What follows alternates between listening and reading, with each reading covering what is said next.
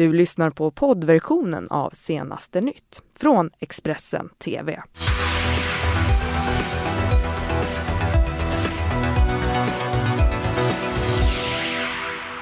God morgon och vad härligt att ni är med oss här i Senaste nytt eh, denna torsdag eh, den 16 maj. Och jag heter Johanna Gräns. Mm, och jag heter Ylva Johansson och det här det är morgonens rubriker. Explosion på parkering. Polisen misstänker brott. Klimatdebatt inför EU-valet i Stockholm igår. Socialdemokraternas Jytte Gutelands hårda attack mot SD. Dinosaurier. Och nu har guvernören Kay Ivey skrivit under det kontroversiella abortförslaget i Alabama. Mm, men vi ska börja med att en bil skadats i en explosion på en parkering i Lerum utanför Göteborg natten till idag.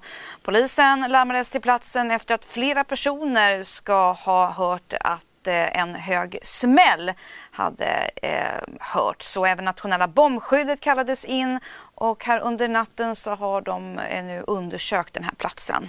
Ja, och den här bilen ska ju då ha fått skador eh, på fronten i samband med explosionen.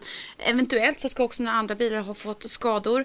Eh, polisen säger att vad som orsakat explosionen det är i nuläget oklart. Men skadorna som man hittat de har inte en naturlig förklaring. Mm, vi ska ta och stanna i Göteborg för där har nu polisen inlett en förundersökning gällande grov misshandel efter att en man sent igår kväll vid en spårvagnshållplats eh, blivit knivhuggen.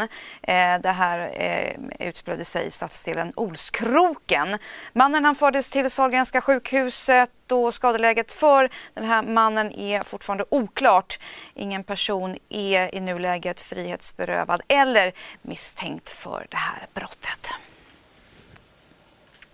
Ja, vi ska nu till eh, det stundande EU-parlamentsvalet. Ja, igår så var det ju klimatdebatt här i Stockholm eh, som anordnades av EU-kommissionen och klimatriksdagen. Och först ut att debattera det var ju Socialdemokraternas Jytte Guteland, Feministiskt initiativs Gita Nabavi och Sverigedemokraternas Martin Kinnunen. Ja, men så var det och Guteland hon valde att kalla bland annat Sverigedemokraterna för fossila dinosaurier. Eh, vi ska ta och lyssna på hur eh, det lät. Det handlar inte om panik, det handlar om att ta ansvar. Och SD och eh, även en del andra högerut väljer att vara fossila dinosaurier och prata om, om en politik som att det inte var framåtsyftande. Det gör mig sjukt trött Eh, att ni inte kan se både det vi behöver göra för vår planet men också vilken roll EU behöver spela här. Och när det gäller vår konsumtion och hur ekonomin ser ut så konsumerar vi som om vi hade fyra jordklot. Vi har en plastkonsumtion som innebär att vi skulle kunna ha mer fisk, eller plast än fisk i haven 2050. Vi ser hur Eh, klimatpolitiken idag redan skördar liv. Eh, vi har eh, extrema naturkatastrofer. Jag tänker på Mosambik med fler än tusen döda i en tyfon som absolut är påverkat av klimatförändringarna. Och även här hemma ser vi skogsbränderna. Jag undrar hur mycket mer SD behöver av bevis innan man vill ställa om sin politik. En replik från Martin Kinnunen, sen tar vi nästa fråga. Jag tycker väl att vi ska i så fall lyssna på IPCC som säger just att just de här extrema väderfenomenen som hänvisas till här faktiskt inte har någon signifikant förändring. Men rent allmänt så pläderar man här för lägre ja, tillväxt. Det, det, det kanske mer... inte riktigt eh, är det som IPCC, men det kan vi, ja, det får stå för dig. Fortsätt. Mm. Nej, men, men mm. läs vad de skriver och RFM. Mm. Men eh, vi behöver inte lägre tillväxt. Lägre tillväxt betyder färre jobb, att människor får det sämre och det är också sämre för i de fattiga länderna. Europa är ett draglok här. Vad vi behöver är att, att se till är det för mycket plast? Ja, vi behöver bättre avfallssystem. Länderna måste, istället för att gräva ner avfallet eller, eller inte ens ta hand om det, så, så måste, måste, man få till stånd en cirkulär ekonomi, som vi har här i Sverige. Det är ju det som är huvudproblemet exempelvis vad gäller plastskräp. Men vi ska inte få panik och det är också intressant att, att, höra hur alla helt plötsligt pratar om att från de här partierna att vi ska ha panik. Men lyssnar vi hur det låter i Sveriges riksdag då vill inte ens regeringen skriva på den här deklarationen. Miljöpartiet är motståndare. Så det är ju en eh, återkommande tema i den här valrörelsen att partierna säger olika saker när man helt plötsligt eh, tror att det låter rätt. Det är bara Vänsterpartiet som är för att vi ska ha panik på det här sättet. Övriga partier vi är eniga att vi inte ska ha det. Ja, och någon annan som var med på debatten igår, det var ju Liberalernas toppkandidat Karin Karlsbro som eh, tycker att det här med klimatet är en mycket viktig fråga och eh, som hon menar bör ta stor plats i det här valet. Ja, det var en livlig debatt som handlade om många frågor relaterade till klimatet. Eh, vi ska komma ihåg att den här debatten anordnades just för att det är EU-val och jag kan ju tycka att just EU-frågan som sådan kommer alltid lite i skymundan. Och, eh, som företrädare för Sveriges mest Europavänliga parti så vill jag ju peka på att just EU som sådant är en så viktig, ett viktigt verktyg för att vi ska nå framåt i klimatpolitiken. Mm. Vad tyckte du var det viktigaste att föra fram där? det allra viktigaste är ju att vi liberaler säger ja till en gemensam koldioxidpolitik inom EU. Därför att det finns inget land som kan göra allt ensamt utan vi måste samarbeta och vi lägger ju förslag på en gemensam koldioxidskatt till exempel. Om man håller kvar vid klimatet då, vad är ditt viktigaste budskap till EU-väljarna angående den frågan? Ja, för det första så är det, om, man, om vi ska lösa klimatkrisen så behöver vi mer samarbete och ett starkare EU. Eh, och, och då hoppas jag att Liberalerna ska vara det, det självklara alternativet. Men det handlar ju om att i EU fatta beslut som blir bindande över, över hela Europa, över alla medlemsländer. För i FN talar vi, vi skriver under vackra mål men vi måste också fatta beslut för att genomföra dem och på ett sätt som gör att det blir en, inte en, en, en dålig konkurrens mellan medlemsländerna utan också på villkor som gör att konkurrenskraften kan hållas stark i hela EU. Mm, från Sverige tar vi nu oss över Atlanten. Vi ska till USA där president Donald Trump nu har deklarerat nationellt nödläge för att skydda amerikanska telekombolag eh, från utländskt eh, spionage. Det här rapporterar nu Washington Post. Och det här nödläget då det innebär att eh, federala myndigheter får en ökad makt att hindra amerikanska företag för att göra affärer med vissa utländska bolag. Och enligt vår samarbetspartner CNN är den här takten främst riktad mot kinesiska telekomjätten Huawei. Ja, och beslutet väntas eh, ytterligare öka på de här spänningarna i det pågående handelskriget mellan USA och Kina. Huawei har nu också svarat i ett uttalande att de här försöken att hindra företaget från den amerikanska marknaden kommer att skada USA och landets utveckling av 5G-teknologin. Det skriver nu CNBC.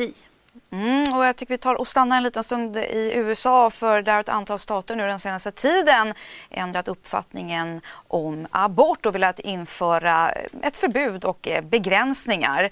Eh, nu har Alabama tillkommit på den här eh, listan och statens lagstiftare röstade igenom den mest restriktiva abortlagstiftningen i landet och ambitionen ja, det är att få upp det här förslaget i Högsta domstolen och därigenom då utmana hela eh, landets eh, abortlag.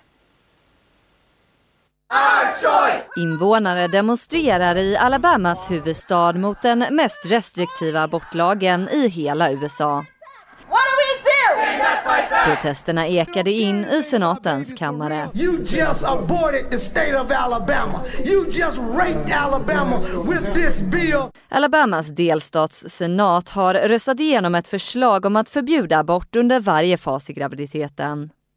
De som genomgår en abort kommer inte straffas, men läkare som utför proceduren står inför 99 år i fängelse. Kvinnor kommer endast tillåtas att göra abort om deras eget liv är i fara och det ska inte finnas undantag för våldtäktsfall eller incest. In my district, the women do not want it in law, the elimination of uh, rape and incest. Alabama följer efter fyra stater detta år som föreslagit begränsningar i abortlagen och elva andra stater som introducerat liknande lagstiftning i år. We must do everything that we can to protect life Alabamas lagstiftare säger att lagförslaget är specifikt utformat för att gå upp i högsta domstolen och därmed utmana lagstiftningen i hela landet. The makeup on the Supreme Court has changed where there's possibly enough conservatives on there who would believe Roe v. Wade is incorrectly decided. Ja, det här förslaget röstades alltså igenom med 25 röster för, 6 röster emot. Nu så har ju också guvernören i Alabama, Kay Ivey, skrivit under det här kontroversiella förslaget. Eh, vi kommer naturligtvis rapportera mer om det här. Det kommer vi göra. Eh, vi ska nu tillbaka till Sverige för eh, eh barnen till IS-terroristen eh, Mikael Skråmo eh, landade ju eh, på Landvetters flygplats utanför Göteborg tillsammans med sin morfar Patricio Galvez igår. Barnen de kommer nu tas hand om, tas hand om av socialtjänsten i Göteborg. De togs emot här av polis. De gick ut genom en, en bak gång kan man säga från flygplanet där polis väntade på dem och så fördes de iväg i en polisbuss. Mikael Skråmos barn har nu kommit till Sverige. Det var efter morfar Patricio Galves månadslånga kamp som de under onsdagen landade på Landvetter i Göteborg. Vad är det första de sa till dig när de såg dig? Morfar. Ja, ja. Det är morfar. Det var för drygt en månad sedan som Patricio Galvez fick klartecken att föra sina sju barnbarn från lägret Al-Hol i norra Syrien till Erbil i Irak. De har under en tid bott på ett hotell i staden. Men under onsdagsmorgonen så flög de från Frankfurt i Tyskland till Sverige. Efter landning fick de sitta kvar på planet tills dess att alla har gått av för att sen kliva in i en polisbuss. Patricio Galvez berättar att barnen är glada att komma till Sverige och skrek jippi när planet landade. Ja, och med det så ska det handla om ett internationellt möte angående att eventuellt inrätta en tribunal för misstänkta IS-terrorister som stridit i Syrien och Irak. Eh, att eh, detta kan komma att hållas i Sverige. Hittills har tre länder tackat ja till det här mötet som ska hållas den 3 juni. Det berättar inrikesminister Mikael Damberg. Mm, och Damberg han har ägnat de två senaste dagarna här att besöka både Haag och London för att diskutera den här frågan om en tribunal då nära eh, området då där IS har härjat. Hittills så har få IS-terrorister åtalats eh, eh, som då har återvänt till Sverige och till andra länder.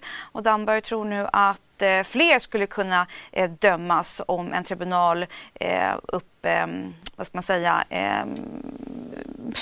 Upprättades. Upprättades, så heter det, om den låg då mer i den här drabbade regionen. Ja, det här var väl det vi hade att bjuda på just nu, Hanna? Ja, eh, så är det. Men vill man ha fler nyheter, då går man ju såklart in på Expressen.se. Du har lyssnat på poddversionen av Senaste nytt från Expressen TV. Ansvarig utgivare är Thomas Mattsson. Ett poddtips från Podplay. I fallen jag aldrig glömmer djupdyker Hasse Aro i arbetet bakom några av Sveriges mest uppseendeväckande brottsutredningar går vi in med hemlig telefonavlyssning och, och då upplever vi att vi får en total förändring av hans beteende. Vad är det som händer nu? Vem är det som läcker? Och så säger han att jag är kriminell, jag har varit kriminell i hela mitt liv men att mörda ett barn, där går min gräns. Nya säsongen av Fallen jag aldrig glömmer på Podplay.